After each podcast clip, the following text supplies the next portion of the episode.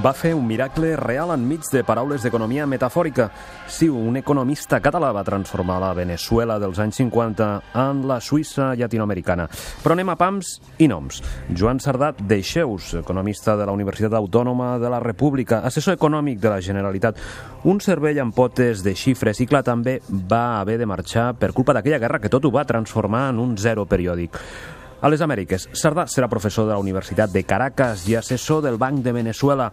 El país brilla, riquesa natural, petroli, cafè, cacau, enlluerne i el Fons Monetari Internacional vol que Venezuela sigui l'anell econòmic d'una futura Llatinoamèrica que sigui una mena de joieria natural. Però el llenguatge no ajuda. Diuen que Venezuela ha de passar a la plena convertibilitat, que ha de superar el règim dels canvis diferencials.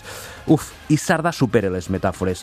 Es va remencar i va dissenyar una nova economia, va construir les seves pròpies metàfores catalanes, disciplina monetària i financera rigorosa, política fèrrea de canvi exterior. Venezuela comença a espurnejar.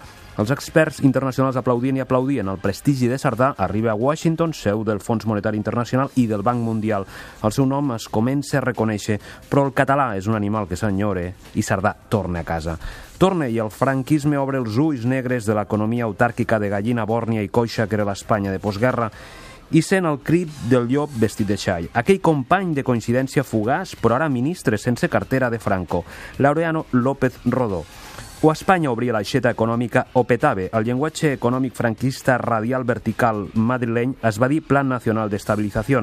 Traduït, van ser biquinis i 600, la societat de consum, el renaixement de la classe mitja, diners a les butxaques, el que molts van batejar com el milagro espanyol, i del qual en Cerdà en va ser un dels principals artífecs, no reconegut i sortint per cames perquè, segons ell, se'l va enganyar. El catalanista i republicà Sardà pensava que l'economia portaria canvis polítics. Doncs no. I ell, anys després, va ser clar, sense usar cap metàfora econòmica ambivalent i enganyosa. Ell va anar de cara a barraca, al papa i al bibi.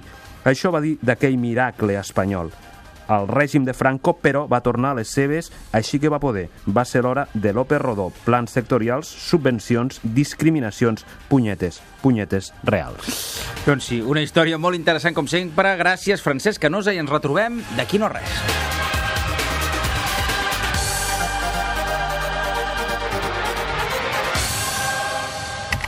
Toni Aire i els Spin Doctors a Catalunya Ràdio.